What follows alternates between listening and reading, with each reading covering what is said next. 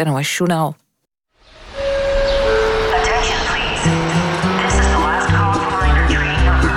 Bureau Buitenland, Nachtexpress. En provenance de Paris-Montparnasse. Presentatie Abdou Bouzerda. Informiamo i viaggiatori che il treno regionale Welkom terug in het tweede uur van ons bezoek in de Japanse hoofdstad Tokio met onze reisgids Japanoloog Mathilde Teube. We gaan het uh, tot vier uur hebben over de dreigementen van Noord-Korea en wat het doet met de inwoners van Tokio. De strijd van uh, Japanse vrouwen voor meer rechten in het conservatieve koninkrijk. En we hebben nog een reportage vanuit Fukushima. Weet u nog, die stad die bekend is geworden vanwege de kernramp in 2011. Kortom, heel veel interessants, dus blijf vooral luisteren.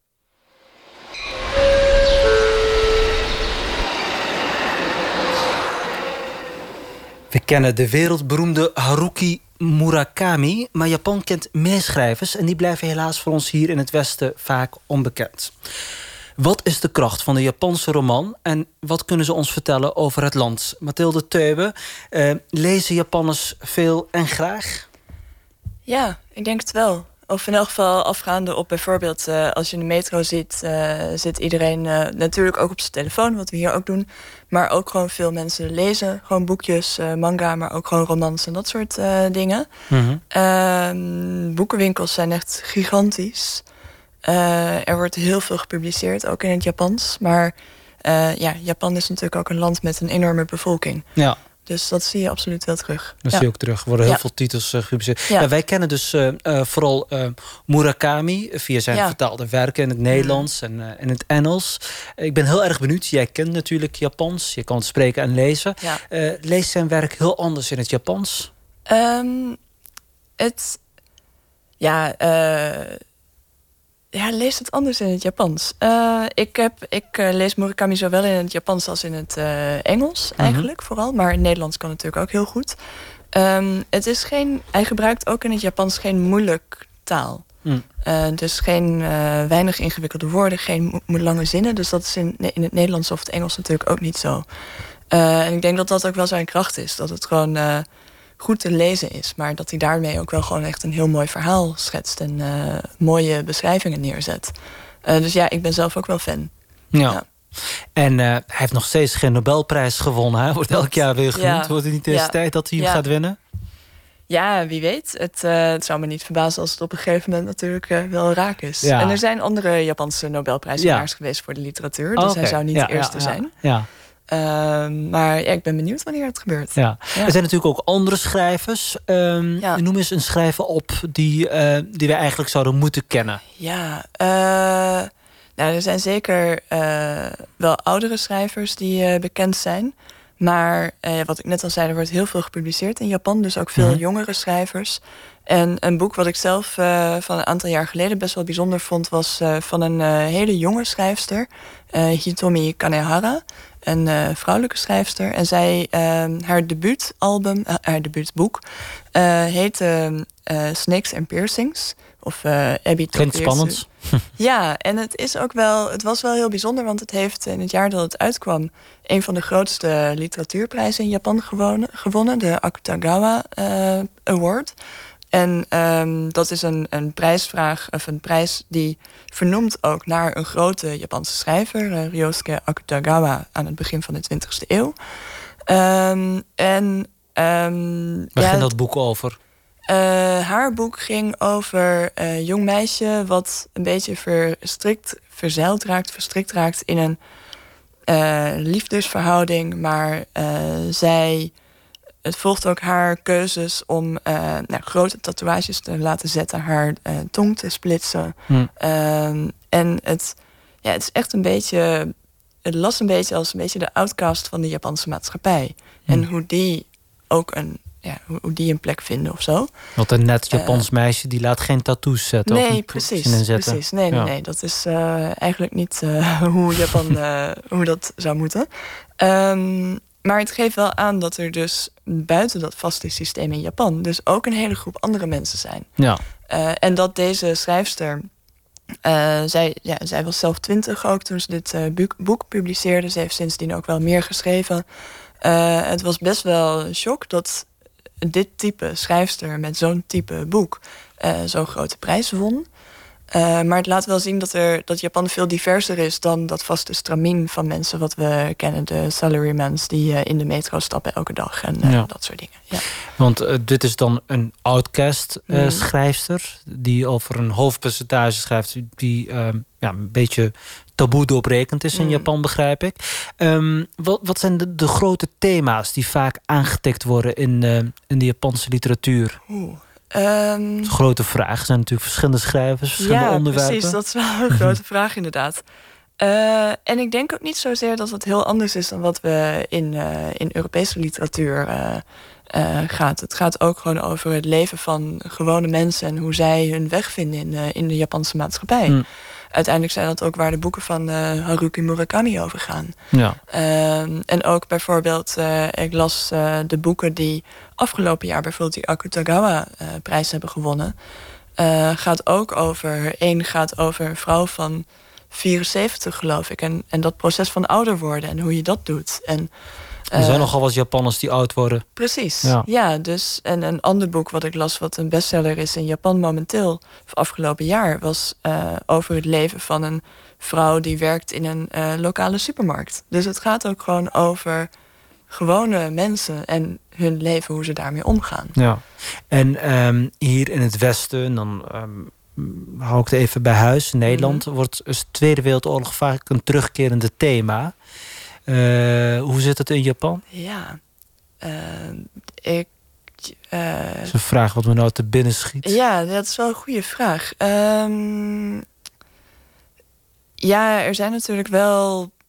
de, de oorlog komt op allerlei manieren wel terug in films en boeken en dat soort dingen. Mm -hmm. het eerste wat me te binnen schiet is eerlijk gezegd een, een, een anime, een, een, film van een beroemde animatiestudio. Maar het ging dan weer over het moment dat de atoombom op Hiroshima viel. Ja, ja. Dus niet zozeer de oorlog van daarvoor. Ja. En in literatuur uh, komt hij ook vast terug. Maar ik, ik, het schiet me eerlijk gezegd geen boeken te binnen... Ja. die daar uh, echt uh, rechtstreeks aan haken. Ja. En de oorlog is ook wel een moeilijk thema in Japan. Ja? Ja. ja, of nou ja, een moeilijk thema... Um, Kun je alles bespreken? Bijvoorbeeld de bekende schuldvraag. Nee. Nee. Ik denk het niet. Het is ingewikkelder. Nee. Ja, en ik denk ook dat dat best wel politiek gestuurd wordt soms. Van wat, hm. hoe, die, hoe die geschiedenis eruit zou zien voor Japan. Uh, en dat leidt ook, uh, dat is ook een beetje mijn achtergrond. Ik heb ook uh, internationale betrekkingen gestudeerd. Dus dan ga je ook kijken naar hoe gaan landen met elkaar om. En die oorlog is wel echt een ding wat nog steeds ja. een, een, een ding is. Ja. En, ja, bijvoorbeeld zit, in de betrekkingen tussen Nederland en Japan. En tussen Nederland en Japan, maar ja. vooral ook tussen, tussen Japan, Korea en China. Mm -hmm. uh, ja. ja. Zwaar onderwerp. Precies. En als de ja, uh, dus ik zit omschakeling even naar het hoe, volgende uh, nummer is dan wat ingewikkelder. Maar uh, ja. we gaan er toch naar luisteren. Het is een nummer wat jij oh, ja. ons hebt waar. aanbevolen. Van een zangeres, Utada Hikaru. We hadden in het eerste uur een jongensband. En nu hebben we echt een, een meisje, want dat is ze. Waar Nou, de mannen in- bij zwijmelen? Of is het een vrouw? Het is intussen wel echt een vrouw. Oh, oké. Ja, ik zij, had YouTube eh, beelden gezien waarin ze nog vrij jong uitzag. Ja, dit- volgens mij heb je ook een nummer wat vrij vroeg uit haar carrière First komt. Love. Ja, eh, en, eh, maar zij gaat al een tijdje mee. Hm. Eh, zij begon eind jaren 90, eh, begin 2000 eh, brak ze echt door. Ja. En is ze nu nog steeds populair? Ze heeft wel, haar laatste album is uit 2016. 2016. Dus ja, Oké. Maakt niet uit, want het is en blijft een mooi nummer. Utada Hikaru met haar nummer First Love.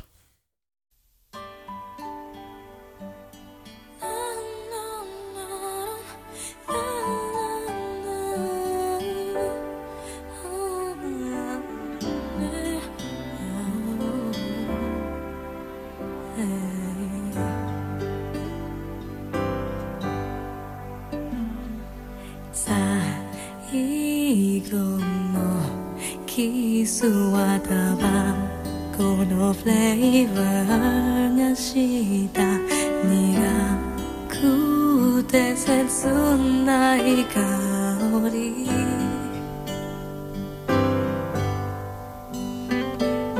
明日の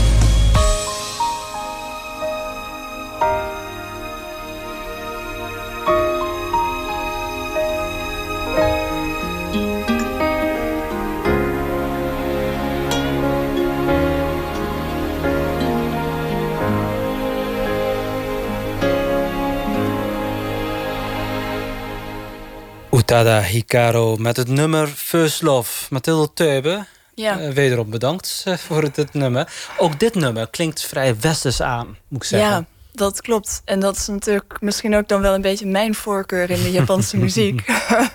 Eh, ook zij heeft een. ehm, eh, als ik me goed herinner, zij kwam inderdaad eind jaren 90, begin 2000 eh, ineens in het Japanse muziekwereldje.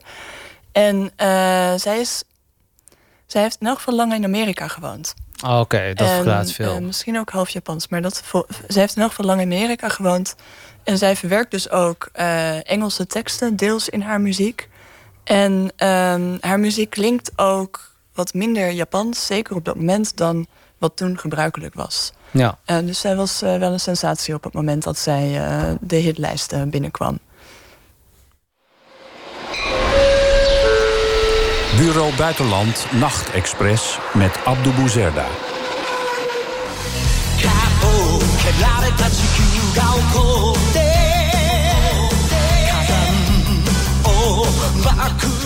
Echte fans van manga-tekenfilms herkennen dit. Dragon Balls. Maar manga is meer. Het is cultuur en misschien zelfs een wetenschap. In Japan bestaan er zowaar universiteiten... die deze vertelkunst aan ijverige studenten doorgeven.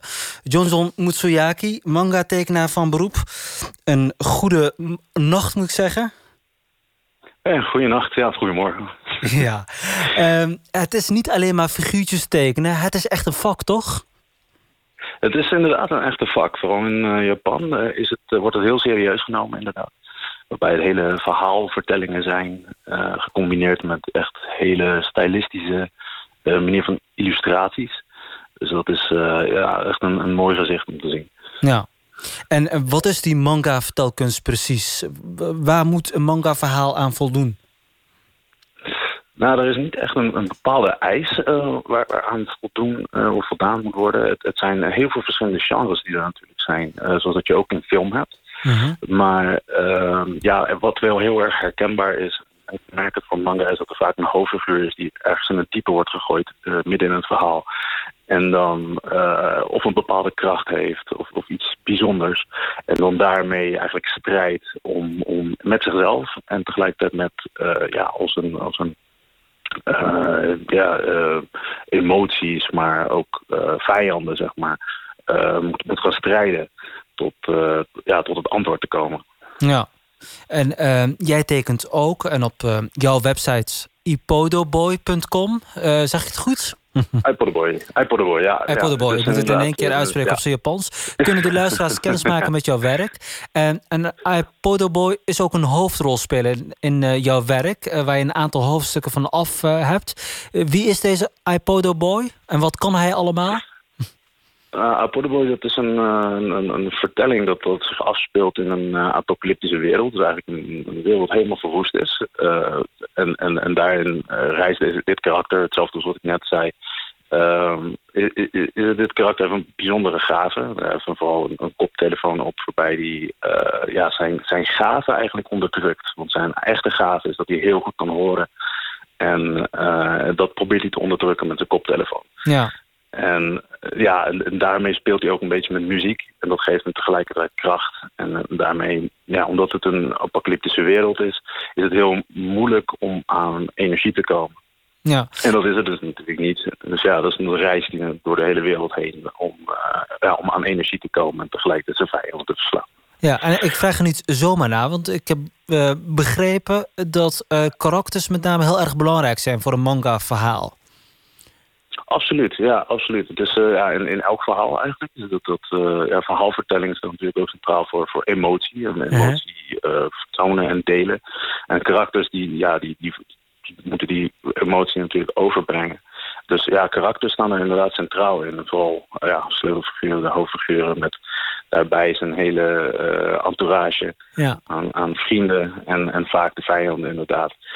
En de vijand is natuurlijk, eh, dat, dat is wel het tegenovergestelde wat je ziet in veel eh, Disney-vijanden of, of hele kenmerkende vijanden die je ziet in het Westen, is dat ze zo vaak eh, simpel worden beschreven, maar in manga zijn ze wel vaak heel slim en, en bedenkelijk. En ze hebben een hele diepgang en, en achtergrond. En dat maakt. eh Je krijgt het ook sympathie voor de, slechte, voor de slechterekken in een manga-verhaal. Nou ja, ja absoluut. Ja, in, in sommige verhalen wel, ja, absoluut. Ja, en uh, als je een mangaka bent, dus een manga-artiest... dan teken je niet alleen, maar je moet ook het verhaal er zelf bij verzinnen. Ja, het is, uh, dat is wel ook weer het, het, het, typische van, van een mangaka. Is dat uh, in, in, in Amerika en in veel andere landen is dat vaak gespleten. Dus dan heb je een, een schrijver en een tekenaar die apart zijn. En hier in, in, in, Japan wordt het vaak gecombineerd. Dan is het echt een verhaalverteller. Die vertelt zowel het verhaal als in teksten, maar natuurlijk ook in tekeningen. En die, ja, die combinatie die is wel heel erg belangrijk. En dat maakt het ook dat het tegelijkertijd heel kwalitatief is, Mhm. uh, maar ook heel bijzonder. Ja. En je hebt nu een aantal hoofdstukken voor, uh, van die iPodo Boy. Um, ik geloof drie of vier. Wanneer is het klaar? Wanneer ga je het uitgeven? Uh, nou, het, het, het duurt nog eventjes. Want uh, in, in, Japan is het ook wel, een, dat noemen ze een tankobon. Het is een, een bundeling van ongeveer tien hoofdstukken. Uh, ik zit ongeveer op drie, vier inderdaad. Dus er kan nog wel een paar hoofdstukken te gaan voordat ik het echt in, kan bundelen. En je moet tien hoofdstukken uh, hebben. Het mag niet meer of meer zijn.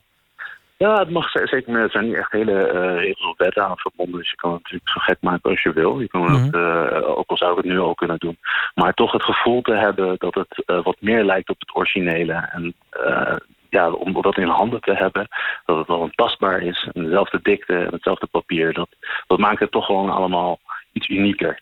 En wat meer ja, uitstraling zoals het je hebt in echte Japanse manga. Ja, jij hebt het allemaal hier geleerd en gelukkig is er uh, online heel veel beschikbaar. Uh, maar in Japan zelf is het echt een vak. Het is, uh, ik heb toch geen woord gelogen in mijn intro toen ik zei dat er zowaar universiteiten zijn die deze uh, vertelkunst doseren. Klopt, ja. Er is een universiteit in uh, Kyoto, de Saika uh, Universiteit, Manga Universiteit. Dan kun je gewoon een, een masters halen of een, uh, een dokter. en dat, ja, het is echt heel serieus wordt het genomen. En, en, dat mag ook wel zo. Het is echt een, een kunstvorm als het, als het ware. -huh. Daar kun je echt in afstuderen. Dus je kan, er zijn ook filmpjes van op YouTube die zijn te bekijken. Waar je echt ziet dat nou, veel studenten ook samenwerken. Maar het is wel heel belangrijk wat we hier in het Westen missen is, is uh, dat je het kan delen met elkaar. En dat je leraren hebt die, uh, ja, die, die eigenlijk vertellen wat je eigenlijk uh, kan verbeteren. En, en waar je, je je fouten maakt. En dat, dat, dat mis je eigenlijk hier in, in het Westen. Jij wil uiteindelijk ook dat manga hier in het Westen een serieuze vak gaat worden. je hebt een eigen YouTube-kanaal. Laten we even luisteren. This channel is called How to BAM, and BAM stands for How to Become a Mangaka or Manga Artist. So if you want to make a professional manga and you need some advice, tips, guidance, or a confirmation that you are headed in the right direction, and you are in the right place. You are in the right place. How to BAM heet jouw YouTube-kanaal. Um, wat wil je hiermee bereiken? Moet het um, uh, uitgroeien tot een online platform... waarbij dan iedereen die uh, aspiraties heeft om een mangaka te worden... Uh, bij jou uh, gaat zetten? of moet het uiteindelijk ook misschien leiden tot een officiële opleidingsinstituut?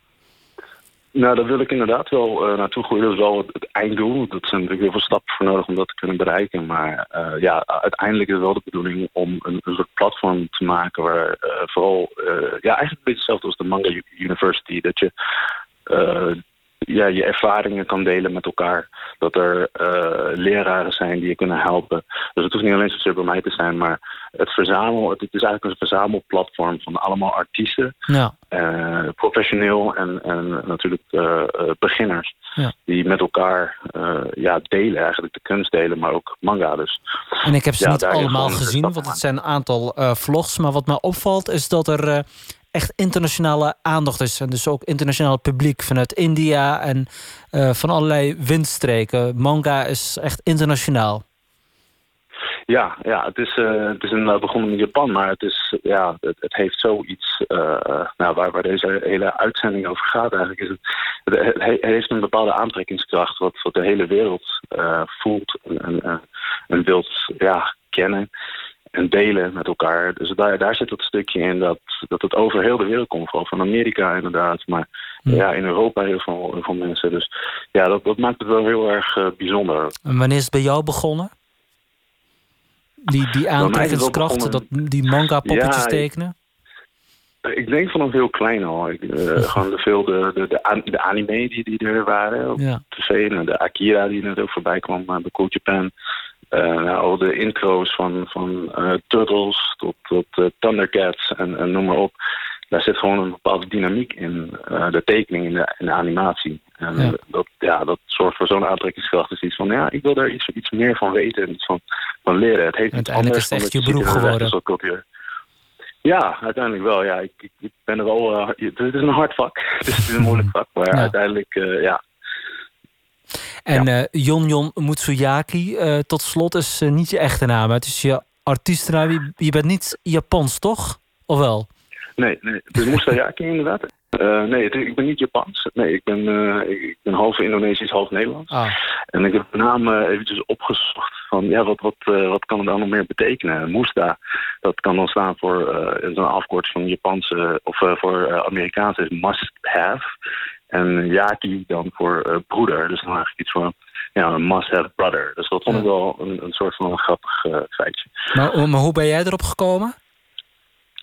Um, ja, eigenlijk is het een, een soort combinatie van uh, mijn vrouw, haar naam en mijn naam. Ah, dat is mooi. Uh, gewoon voor de grap een beetje ja, te, te, te combineren en dan kwam dat eruit. Ja. ja. Jon Jon, hartstikke bedankt uh, voor je bijdrage. En ik weet niet of je onze hoofdgast in de uitzending hebt overtuigd over manga. Je hebt dus niet zo heel veel vrienden gebeuren voor jou, want je bent in Japan geweest. Ja, maar het is, het is, dit is gewoon serious business. Het is ook een soort van literatuur. Ja, zeker. Nee, ik heb meerdere manga's thuis staan, wel. Ja. Maar uh, ja, ja, dit hoort bij Japan. Dit hoort bij Japan. Als je Japan wilt leren kennen, dan, uh, dan, moet het, dan moet je manga le lezen. Ja dan, ja. ja. dan zou ik het iedereen wel aanraden. Ja. En, ja, en ik herken heel sterk wat John John ook zegt, die, die wereldwijde aantrekking. Ja. Um, ja, ik, ik geef ook les op een HBO en die studenten komen deels naar die opleiding toe omdat ze Japan op deze manier leren kennen en, en dan die interesse verder willen ontwikkelen.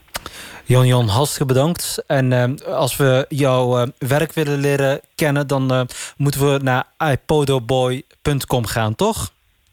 Yes, of uh, howtobam.com, dat kan ook. Howtobam.com, dankjewel. Ja, yes. Bedankt voor de uitnodiging. Graag gedaan.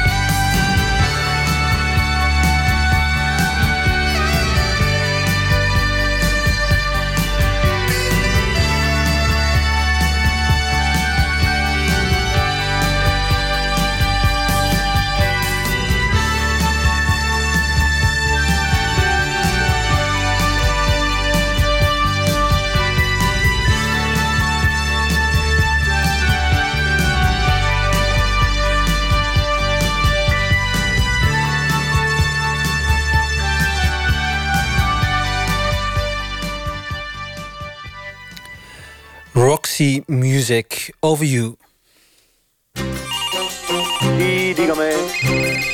Hello, marhaba. Hallo. Selamat malam. Bellen met de wereld. Hallo. Please check and try again. Ja, en hij gaat over in de stad Saitama, iets ten noorden van Tokio. Stel, je bent een geëmancipeerde vrouw in Japan.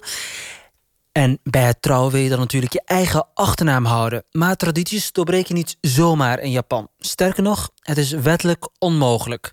De Japanse Yoko Ozumi kreeg als een van de weinigen toch voor elkaar. Tessa Hoogvliet belde haar op en vroeg haar hoe. I didn't want to make our customer too confused with my husband and myself. Ik werk bij hetzelfde bedrijf als mijn man. En als we dezelfde achternaam gebruiken, is dat verwarrend voor de klanten.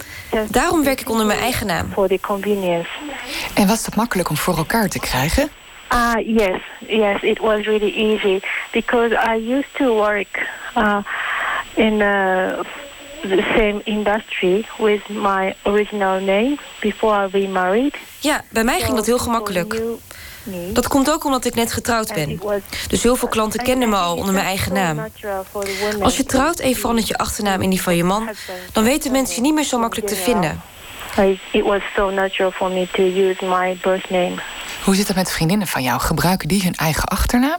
They don't keep their like original name even in a Facebook. Ze gebruiken allemaal de achternaam van hun man. Dat doet iedereen. Zelfs op Facebook gebruiken ze niet hun meisjesnaam. Waarom kiezen getrouwde stellen niet voor de achternaam van de vrouw? Personally, I think it's just it should be open for everyone which one choose. Ik snap het ook niet. Het ligt gewoon heel erg verankerd in de traditionele Japanse samenleving. Dat zijn altijd hele moeilijke dingen om te veranderen. Gelukkig zijn er nu een aantal actiegroepen van vrouwen die daartegen ageren. And that's how we can change in practical way, I think.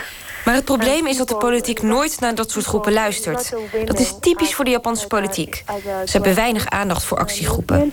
But the government is not trying to listen to those voices in general. En waarom is de regering zo standvastig hierin?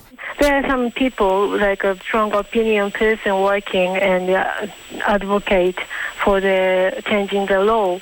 But the, er zijn wel mensen die het willen veranderen in het parlement, maar de druk van de regeringspartij om niet te veranderen is gewoon groter. That's why it's so hard to change. En had je dan eigenlijk geluk met je baas dat het voor jou makkelijk was om onder je eigen naam te werken? My boss was really understanding. Oh, absoluut.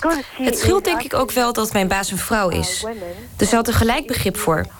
En doordat mijn man ook voor hetzelfde bedrijf werkt, heb ik een bijzondere positie. Maar ja, of het bij een volgende baas ook zo zou gaan, dat is nog maar de vraag. No problem for me to use my original surname at work. En dat was uh, Tessa Hoogvliet in gesprek, in gesprek met Yoko Uzumi over het veranderen van haar achternaam. En meegeluisterd heeft onze reisgids Mathilde Teube. Um, we horen deze Yoko zeggen dat het uh, nogal vrij ingewikkeld ligt in Japan. Je hebt eerder in het gesprek ook al aangegeven dat het een vrij conservatief land is. Mm. Um, wat mij verder opviel is dat uh, er wel degelijk actiegroepen zijn die iets proberen te veranderen in het land, maar dat het heel moeilijk is. Uh, hoe komt het dat um, feministen, actiegroepen weinig voet aan de grond krijgen? Ja, goede vraag. Um, ja, hoe komt het? Uh... La, laat, ik het, laat ik mijn vraag herformuleren. Waarom uh, blijft die positie van de vrouw zoals het is? Of zoals, ja. zoals het was nog uh, een eeuw geleden bijvoorbeeld, of 50 jaar geleden. Ja, precies. Uh, ja, zij geeft het ook al, uh, deze Yoko geeft het ook al aan in haar verhaal... dat het gewoon heel langzaam verandert. Dat is ook wat ik zie gebeuren. Dat elke keer dat ik weer in Japan kom, denk van... nou, nu zal het toch wel ietsje beter, ietsje anders zijn. Maar de veranderingen gaan heel erg langzaam. Zeker ook als je het hebt over de positie van de vrouw. Ja. Uh, Japan is heel conservatief, heel hiërarchisch, heel patriarchaal eigenlijk.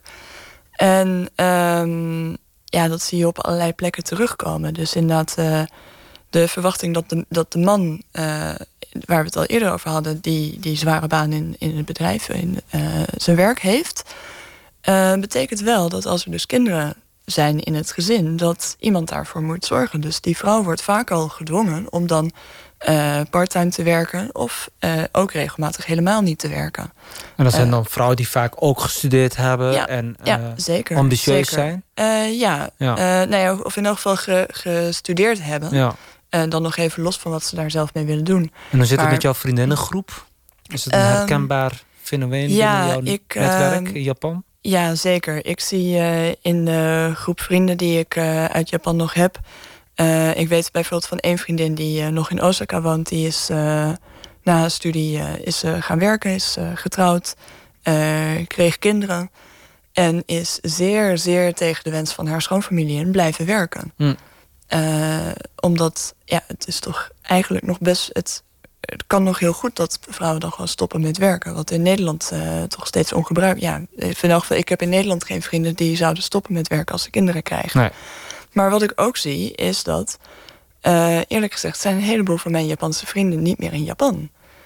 Uh, en heeft het hiermee te maken? Ik denk wel deels. Ik hm. denk dat um, ja, het, het ben, ik heb het begin het gevoel te krijgen dat ik deze nacht vooral heel negatief ben over Japan. Terwijl het een fantastisch mooi land is en ja. kom je heel erg graag. Maar er zijn echt wel een paar issues in het land uh, waar ik zelf moeite mee heb. En uh, ja, wat ik eerder al zei, is het is een heel vast systeem. Uh, daar moet je binnenpassen, ook als vrouw. Ehm, en ja, mijn vrienden, mijn Japanse vrienden ook, zijn vaak toch ook mensen die internationaal georiënteerd zijn. Anders ja, ze hebben ook buitenlanders als vrienden, waaronder ik. Mm dus dat maakt ze dan net ietsje. Hebben ze een wijdere blik op de wereld Iets dan een gemiddelde. dan ja, en dan een gemiddelde Japanner. Hm. Ehm, er zijn soms ook mensen die zelf in het buitenland hebben gewoond. Betekent dat wanneer ze weer terugkomen in hun baan, in hun werk in Tokio, dat het moeilijk terug aarden is in dat systeem, in die maatschappij. Ja. En dus nou ja, ik heb intussen Japanse vrienden die nu in Parijs wonen, in Londen, in, uh, in New York omdat ze daar gewoon uiteindelijk meer kunnen doen wat ze, waar ze zelf voor kiezen. Ik heb die vraag al eerder gesteld. Hoe komt het dan dat ze niet zo uh, progressief zijn als in het Westen. Maar klaarblijkelijk is er nog een heel um, een, hoe heet het, een reservoir aan conservatieve krachten in dat land. Ja. Um, de Regeringspartij op dit moment, onder ja. Abe, um, is ook conservatief, rechtsconservatief. Waar, waar, zitten die mensen die uh, uh, hierop stemmen? Zitten ze dan ook in Tokio of zitten ze echt in de provincie? Ja, het, het Japanse kiessysteem is zo dat Um, het platteland heeft een onevenredig groot, hoe zeg je dat? Bepaald voor een onevenredig groot deel waar de stemmen naartoe gaan. Mhm. Dus hun stemmen wegen zwaarder dan die in de stad. Terwijl natuurlijk wel zo is dat inderdaad in Tokio is men wat minder conservatief dan in de rest van het land. Want dat hoort ook gewoon bij de grote stad. Dat daar de ontwikkelingen gewoon wat vooruit lopen. dat reflecteert zich niet altijd in het politieke systeem. Ja. Uh, maar er speelt in Japan ook wel dat heel veel mensen niet veel vertrouwen hebben in de politiek. Of in elk geval niet het gevoel hebben dat hun stem. Dat hebben ze dan wel weer gemeen met het Westen. Ja, in Japan gaat het nog wel wat verder. Echt waar? Uh, ik vind dat er in Japan veel minder interesse is in de politiek en, uh, dan hier in het Westen. Hm. Maar misschien zit ik hier in Nederland in een bubbel van mensen die bovenmatig geïnteresseerd zijn. Dat zou ook kunnen. Maar um, uh, en ook weinig het gevoel dat, dat je verschil kan maken door te stemmen. Ja. En toegegeven, de LDP heeft ook niet heel veel geloofwaardige concurrentie. Als regeringspartij. Als regeringspartij. En de, de enkele momenten dat de LDP niet aan de macht is geweest, hebben de oppositiepartijen er ook niet heel veel van gebakken. Wat betreft de positie van de vrouw, dat mhm. zie je ook terugkomen in de discussie rondom de erfopvolging in Japan. Ja, precies. Uh, want, uh, maar je moet me corrigeren als ik het verkeerd heb... daar is bij wet geregeld dat het een mannelijke erfopvolger moet zijn. Ja, klopt. Uh, de, het is wel een unieke situatie. De huidige keizer heeft aangekondigd dat hij gaat aftreden. Mm -hmm. dat is wel heel bijzonder, omdat het volgens mij nog nooit iemand heeft, eerder heeft gedaan. Je, als keizer overlijdt je en dan treedt je opvolger aan. Hij heeft nu gezegd... nou, ik heb er eigenlijk wel genoeg van. Ehm, en mijn zoon is er klaar voor.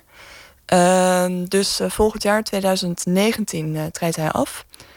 Uh, maar die zoon, eh, nou, die is er klaar voor, het is de kroonprins. Maar hij heeft geen mannelijke troonopvolgers nog.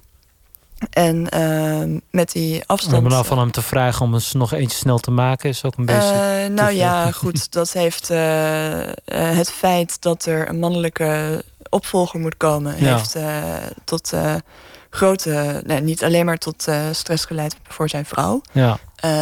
Maar ja, zij, het gaat al jarenlang niet heel goed met haar. De laatste jaren het gelukkig weer wat beter. maar dat komt deels vanwege de grote druk die erop ligt... om maar een zoon te krijgen... Ehm, ja, terwijl je dat niet voor het uitkiezen hebt. Nee. Dus het zou heel goed zijn als ook dat verandert in Japan. Dat bijvoorbeeld ook hun dochter ja, in, in de lijn van troonopvolging komt. Nou, ja. Wie weet luisteren ze in Japan nu naar je. En denken ze van, hé, hey, goed idee. ik hoop het, maar...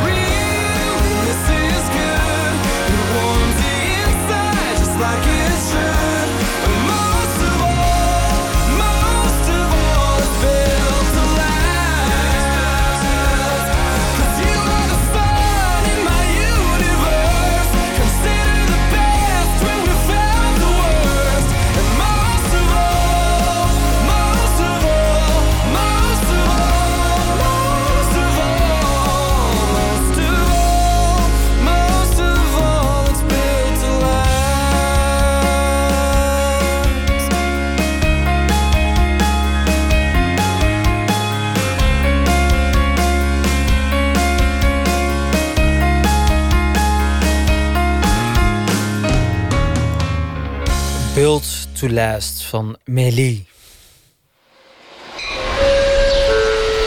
Bureau Buitenland Nachtexpress met Abdou Bouzerda. En we gaan naar Fukushima. Weet u nog, die kernramp als gevolg van een zeebeving... en het daaropvolgende tsunami in 2011. De Japanse regering probeert deze streek met allerlei kunstgrepen weer bewoonbaar te maken. De meer dan 160.000 mensen die in kampen waren opgevallen na de ramp, moeten weer terug. Maar volgens deskundigen is dit levensgevaarlijk. Correspondent Peter Wijnsema reisde in 2016 naar de voormalige rampplek.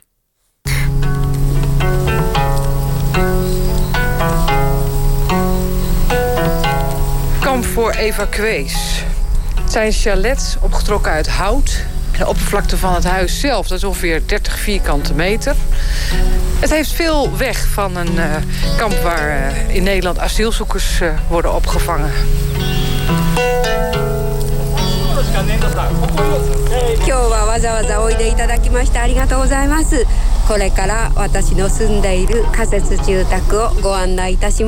Welkom op het kamp, zegt een van de evacuees. Ik mag even haar huis bekijken. De Japanners die, uh, doen meestal hun schoenen uit in huis. Dus dat is hier ook een goed gebruik. Nou, de keuken die is uh, twee stappen groot. En dan nog een stap voor de, voor de koelkast. En dan zijn we al in de huiskamer. Nou. Ze vertelde het huis waar ze vandaan komt, dus al zes keer zo groot. Ik zie helemaal geen bed trouwens.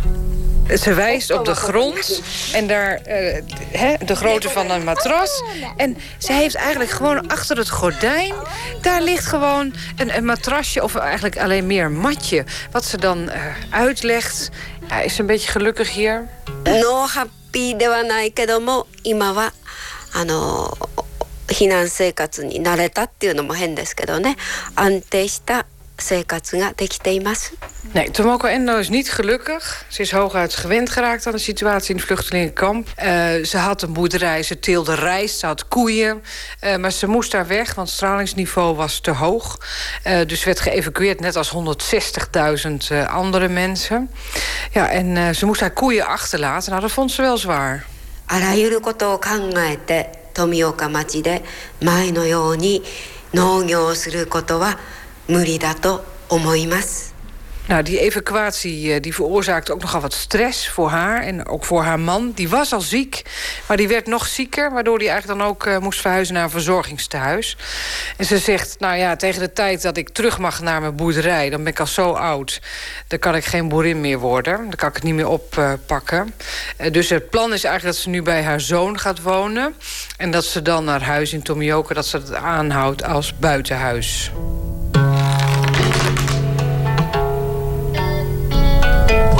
Radiation dose in Amsterdam of 0.07. Wim Turkenburg, atoomfysicus. U bent mee op een reis van Green Cross International, een milieuclub opgezet door Mikhail Gorbachev. Waarom? Ja, ik ben nu uh, bijna vijf jaar bezig met die kernramp. Vrijwel dagelijks volg ik uh, wat de laatste ontwikkelingen zijn. Ik wil heel graag zien in de praktijk uh, wat er gaande is en dat beter begrijpen, dat ook voelen. En ik wil dit ongeval blijven volgen, omdat wij daar ook als mensheid lessen van moeten trekken. En nu met deze reis die Green Cross die mij uitnodigden, ja, vond ik dat een unieke kans om uh, georganiseerd uh, allerlei mensen te spreken. Dit in een heel korte tijd. En uh, ook mensen die de ramp ja, hebben ondergaan of bezig zijn de ramp op te ruimen. Ik zie allemaal afgezette straten, overal hekken. Er loopt hier verder niemand. Dit is Tomioka, de spookstad. Iedereen is hier geëvacueerd uh, na de ramp. Ik zie alleen aan het eind zie ik wat politieagenten... die hier deze verboden zone bewaken. Heel even rondlopen, dat mag hier. Het liefst met beschermende kleding. Zo'n witte overal en die blauwe hoesjes om je schoenen. Uh, maar iets aanraken, dat mag absoluut niet omdat het waait heb ik ook een mondkapje gekregen. Want er zouden dan ook uh, stofdeeltjes uh, dan in mijn longen kunnen komen. Dat is beter van niet. We hebben toegang gekregen tot een van de huizen... waar de mensen zelf nog niet mogen komen. Dit is schade waar ik naar kijk van de aardbeving. Uh, schimmel op de vloer. Een vloer die eigenlijk ook helemaal doorgezakt is. Uh, ja, overal ligt troep verspreid. Over computers en printers, daar liggen allemaal stukken die van het plafond zijn gekomen. Een totale puinhoop. Als je dit moet opruimen, waar moet je beginnen? Bij de grenspost, geheten No Return Zone. Mensen kunnen hier nog niet terug. Er mogen af en toe wat uh, vrachtwagens naar binnen met water... wat nodig is om de boel hier te ontsmetten. あの帰りたいですけどももういわきに家を作ってしまったのでなかなか富岡に帰れるかどうかはもうわからないですね。 Inwoner van Tomioka die dus nog niet terug mag. Ze zou dat wel willen als de straling wat minder is. Maar haar kinderen die willen eigenlijk niet terug. Want nou, ze hebben inmiddels een huis ergens anders. Ja, ze zegt als ik oud en grijs ben... dan denk ik dat ik mijn huis wel heel erg ga missen. Dus dan zou ik wel terug willen. Maar eigenlijk denk ik dat ik helemaal niet oud word. えー、除染されたところは本当にあの線量下がってますので、えー、大丈夫だということです。 Wim Turkenburg is even de straling aan het opmeten in de struiken... vlakbij waar de afzetting is van de politie. Ja, het niveau is dus duidelijk eh, te hoog. Dan zou je hier toch een uh, forse stralingsdosis oplopen... als je hier het hele jaar uh, zou zijn. De Japanse regering heeft bepaald dat alle evacuees terug naar huis kunnen in maart 2017. Om dat mogelijk te maken is de grens van de hoeveelheid toelaatbare radioactieve straling opgeschroefd van 1 millisievert naar 20 millisievert per jaar. De omgeving rond de kerncentrale bestaat voor 70% uit bos. En het is ondoenlijk dat te ontsmetten. Om het gebied toch bewoonbaar te maken... wordt de besmette grond een paar meter rondom de huizen afgegraven... en voorzien van een laagje verse aarde. Uh, we rijden hier langs de plek waar vroeger het station was. Er ligt nu alleen een spoor. En uh, langs dat spoor zijn duizenden zakken met afgegraven grond. Ongeveer vijf hoog opgestapeld, honderden zakken breed. Het zijn echt stapels met zakken. En de grote vraag is, wat moet daarmee gebeuren? Ze liggen hier nu tijdelijk opgeslagen. maar de zoektocht is nu naar een plek waar ze dan langere tijd kunnen worden opgeslagen. I mean, the, taking the topsoil off um, results in a massive spreading of the radioactivity around just by the sheer operation of it.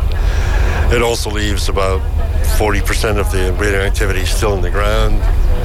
De Britse radiobioloog Ian Fairley is ook deelnemer aan de Fukushima-trip.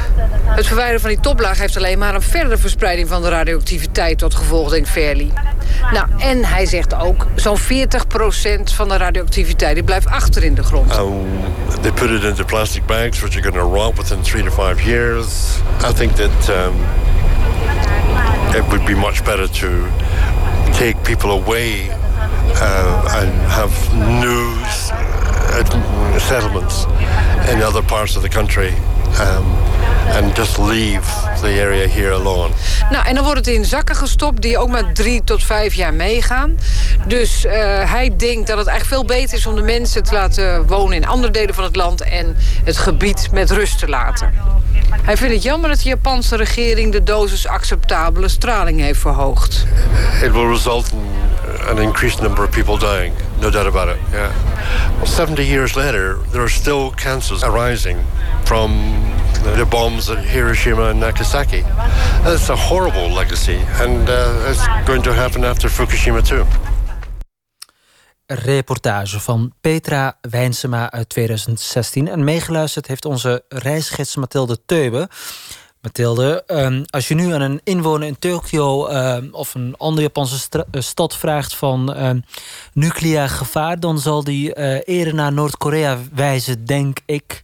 Uh, naar aanleiding van al het nieuws en die dreigementen van de opperste leider van het regime in Noord-Korea. Ja, ik denk dat uh, in elk geval de, de nucleaire straling als dreiging van Fukushima niet direct als uh, topprioriteit wordt gezien. Er zijn nee. nog wel een aantal andere issues waar Japanners zich druk over maken.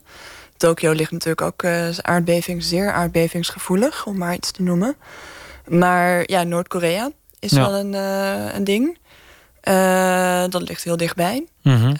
tegelijkertijd het ligt heel dichtbij. Het is voor Japan al jarenlang een, een, land waar ze een moeilijke relatie mee hebben. Tegelijkertijd krijg ik ook een beetje de indruk van, als ik reacties van vrienden van mij hoor, dat iedereen iets heeft van ja, maar tot een oorlog komt het toch niet. Want Noord-Korea weet ook dat op het moment dat ze een aanval zouden doen op Japan bijvoorbeeld, dat dan gaat Amerika er volop. dat is de deal tussen Amerika en Japan. Ehm, eh, dat, ehm, eh, dus dat, dat overleeft dat, dat snap ik wel. Dat ze uh, op die manier um, zichzelf veilig rekenen. En op zich hebben ze een goede reden daarvoor. Ja. De Amerikanen zijn traditioneel de beschermheren van ja. uh, Japan. Uh, maar toch kan ik me zo voorstellen dat een inwoner in Tokio zich niet echt veilig voelt. In ieder geval voorzorgsmaatregelen neemt, voor zover dat natuurlijk mogelijk is. Bijvoorbeeld schuilkelders, informatie. Ja. Uh, zijn er uh, spotjes op televisie wat je moet doen als er zo'n um, aanval komt, bijvoorbeeld? Nou, ik heb wel gehoord over spotjes op tv, weet ik niet precies. Maar ik heb wel gehoord inderdaad over dat er wel wat voorlichtingsmateriaal ver, verspreid wordt. Over mm -hmm. wat zou je moeten doen. Uh, past ook wel een beetje in hoe Japan is. Gewoon heel, vooral heel goed voorbereiden op onverwachte situaties. Ja.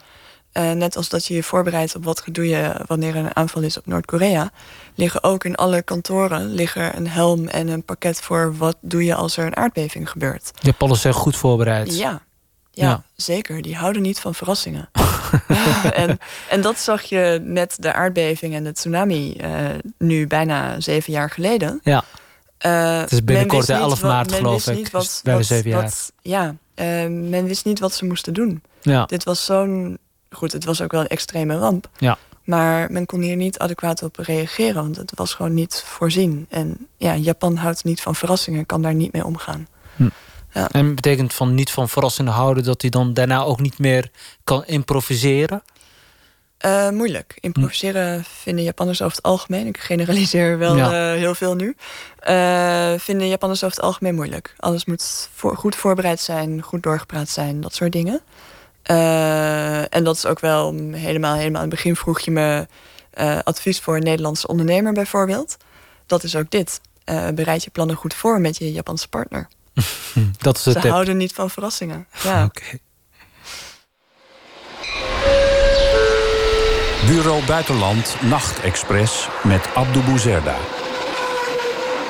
En we zijn nog een paar minuten in Tokio, de grootste metropool van de wereld. Mathilde Teube um, was onze reisgids. En dat is nog uh, voor de resterende tijd tot uh, vier uur. Um, dat was dus de tip. Uh, Japanners houden niet van verrassingen. Um, als we naar Japan gaan, nog een laatste tip. En dan gewoon voor de normale toerist. Behalve Tokio, waar moeten we nog meer naartoe gaan? Uh, ja, ik zou bijna zeggen Osaka. Maar tegelijkertijd is dat ook niet de toeristenstad. Maar, maar wel dat gebied. Uh, ja. Kansai ja. uh, is de regio met Osaka als grote stad. Maar ook Kyoto en Kobe en Nara. En daar is zo fantastisch veel te zien. En het zit allemaal zo dicht op elkaar. Gaan we onthouden. Bedankt dat je onze reisgids wilde zijn in Tokio. We zijn er volgende week uh, weer. Met componist Diederik Rijfstra gaan we naar de stad waar rapmuziek haar wortels heeft. De huidige president van de VS een toren met zijn eigen naam erop heeft staan. En nog altijd veel migranten arriveren op zoek naar hun Amerikaanse droom. New York. En vanavond om 7 uur op deze zender is er meer buitenland. Добро пожаловать на мою дачу. Welkom in de Dacia. En drink met Bureau Buitenland op de Russische verkiezingen. Na здоровье. Onthouden dus dat vanavond om 7 uur bij de collega's van Bureau Buitenland op Radio 1. Straks na het nieuws de dagwacht met Castillon en Simone Tukker. En deze presentatieduo gaat in aanloop naar de verkiezingen, de gemeenteraadsverkiezingen, uh, op campagne. Dit was de Bureau Buitenland Nachtexpress. Tot volgende week.